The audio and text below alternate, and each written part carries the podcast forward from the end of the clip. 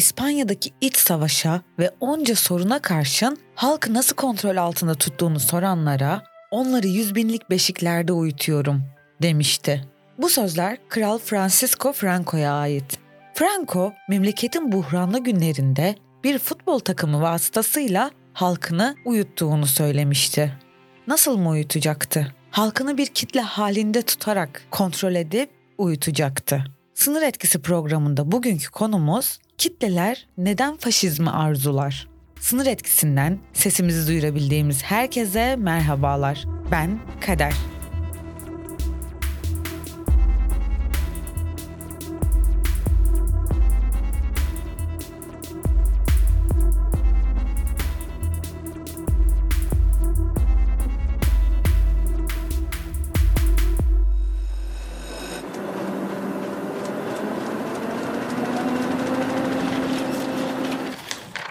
Aynen Beledi Podcast. Bizler gündelik yaşam içerisinde kendimizi güvende hissedebileceğimiz bir kalabalık içinde bulunmak istiyoruz. E zaten grup oluşturmanın da en temel sebeplerinden birisi de bu.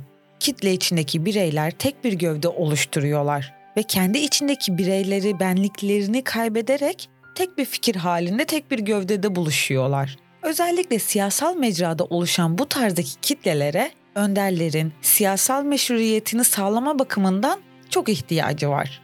Biz insanlar peki neden kitle oluşturmak isteriz? Neden bir gruba dahil olmak isteriz?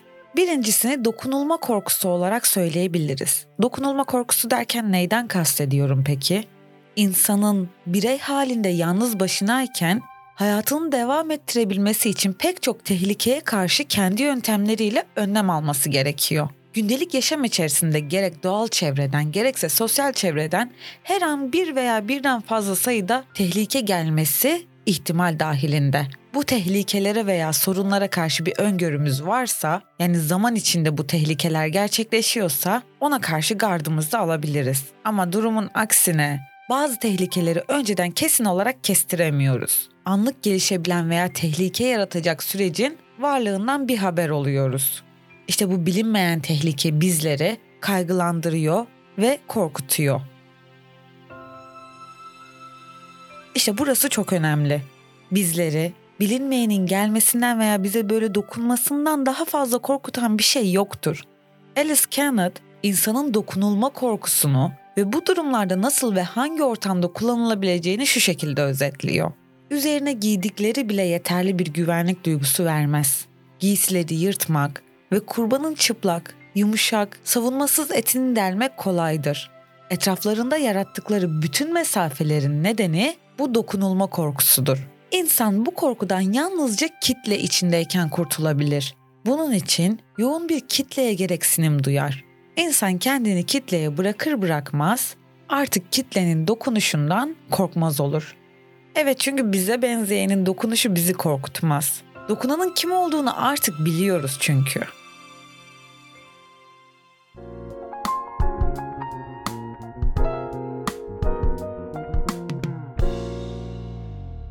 Olası tehlikelere karşı korunmakta artık yalnız değilizdir. Kitle içindeyizdir ve artık güçlüyüzdür. Bir de içimizde bir araya gelme isteği var. Yine aynı şekilde aynı sebeplerle güçlü olma isteği. Zaten insanlık tarihine baktığımız zaman bir araya gelip organize hareket edebilme becerileriyle hayatta kalmayı başarmış toplumlar var. Hala da bu durum geçerli. Ve sonrasında da liderlerin en önemsediği şey yayılma gücü. Bireylerin bir araya gelip kitleyi oluşturmasının hemen ardından kitle ruhunda meydana gelen ilk etki yayılma gücü. İşte bu da liderleri cezbeden bir kavram. Çünkü kitle kalabalıklaştıkça güçlenecek, sosyal yapı üzerindeki etki alanı ve harekete geçirme kuvveti artacak. İşte liderler bu yüzden faşist ideolojiyle ilerlerken halkları kitleleştirme çabası üzerinde durur. Çünkü faşizm kitlelere muhtaçtır. Bir psikolojik araştırma kitabı vardı. Özgürlükten Kaçış isimli. Bu kitapta insanın kendi özgürlüğünden nasıl kaçıp kitleye sığındığını ifade eden şu sözleri hatırlıyorum.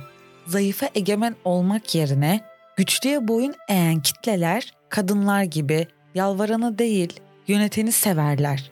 Çoğu kez bu özgürlüğü ne yapacaklarını şaşırırlar. Hatta çabucak kendilerini terk edilmiş hissederler. tinsel olarak kendilerini dehşete düşüren küstahlığı da insansal özgürlüklerini insafsızca engellemesini de kavrayamazlar. Çünkü öğretideki aldatmaca hiçbir şekilde kafalarına dank etmez, etmeyecektir.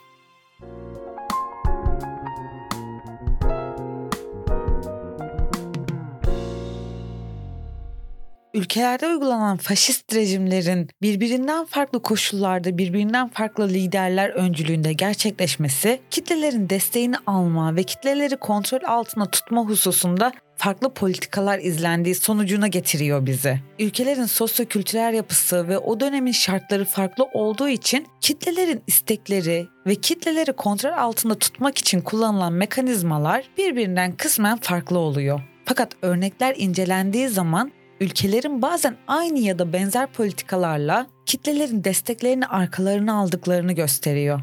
Almanya, İtalya, Portekiz ve İspanya örneklerini de hepimiz az çok biliyoruz. Kitlelerin bazı psikolojik sorunları yani mesela güvenlik tehdidi ya da korkular faşist rejimlere verilen desteği arttırıyor. Yani kitleler ülkelerde oluşan kaos ortamından manevi olarak kaçış yöntemi gibi gördüğü faşist ideolojiyi destekliyor. 20. yüzyıl faşizmin rejim olarak uygulandığı ya da faşizan ilkelerin devlet yönetiminde hayli etkili olduğu bir yüzyıl olmuştu.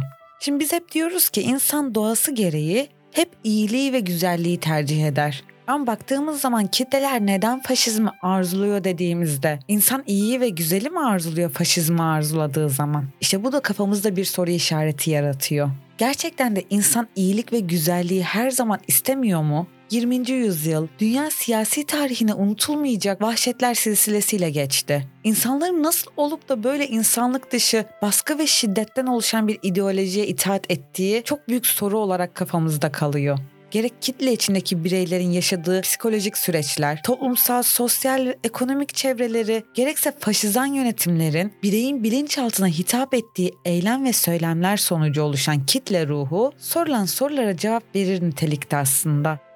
Şimdi olayı şöyle anlatabiliriz. Faşist liderlerin sürekli böyle etkisi altında bulunan kitleler sürekli uyuşuk halde olmaları, bu kitlenin o zamana dek baskıladığı birçok şeyi içerisinde kendi benliğinde baskıladıkları birçok şeyi ortaya çıkarabilme özgüveni, içinde bulunduğu kalabalık grupla birlikte ortak bir düşmana karşı birlik olma duygusunun o verdiği sıcaklık, o güven duygusu. İşte liderler kitlelere bunları verdiği zaman kitleler liderle birlikte böyle bir ortak noktada buluşuyorlar. İşte o ortak noktada da artık o gruptaki herkesin kabul ettiği şeyleri onlar da kabul etmeye başlıyorlar. Düşünmeden. İşte bu yüzden diyoruz tek bir vücut haline gelip tek bir düşünce mantığıyla ilerler kitleler.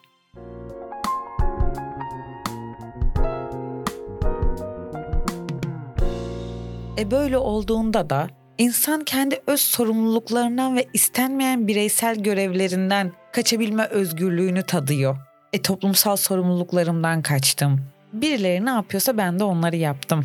İşte bu özgürlüğüne kavuşan kitleler en sonunda faşist rejimlerin peşinden gitmeye başlıyor. İşte bunların hepsinin sonunda bireyler olarak değil ama kitleler olarak faşizmi arzuluyoruz. Benden olan daha iyi olsun. Benim ırkım daha üstün olsun. Benim tarafımda olana zarar gelmesin de diğer taraftakine ne olursa olsun düşünceleriyle insan hakları sadece benim grubumun hakkıdır gibi düşünüyoruz. Sınır etkisini dinlediniz. Bizi nereden, hangi zaman diliminde dinliyorsanız hepinize günaydın, iyi günler, iyi akşamlar ve iyi geceler diliyorum.